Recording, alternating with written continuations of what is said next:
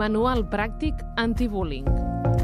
Oriol Julià, de CER, Salut i Educació Emocional. Com a responsables d'un centre d'ensenyament, d'una entitat de lleure, d'un club esportiu, si ens trobem davant d'un cas de bullying, el primer que hem de fer és aturar les agressions. Aturar significa parar, significa parlar amb els agressors, identificar els papers, identificar els rols. Fer les nostres mesures, si hem de tenir mesures, si tenim mesures disciplinàries, doncs mesures disciplinàries, però hem d'actuar i s'ha de veure que actuem. Després, hem d'activar l'espectador, aconseguir que tothom es posicioni al costat de la convivència. Implicar a tot l'equip docent, que tothom estigui atent per detectar més situacions i per no deixar passar eh, cap agressió.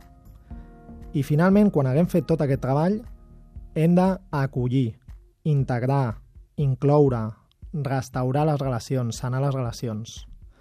Una solució òptima del tema de bullying és quan tots els agents, eh, espectadors i nens i nenes amb rol de víctima o rol d'agressor, eh, tornen a estar a la classe en una situació normal.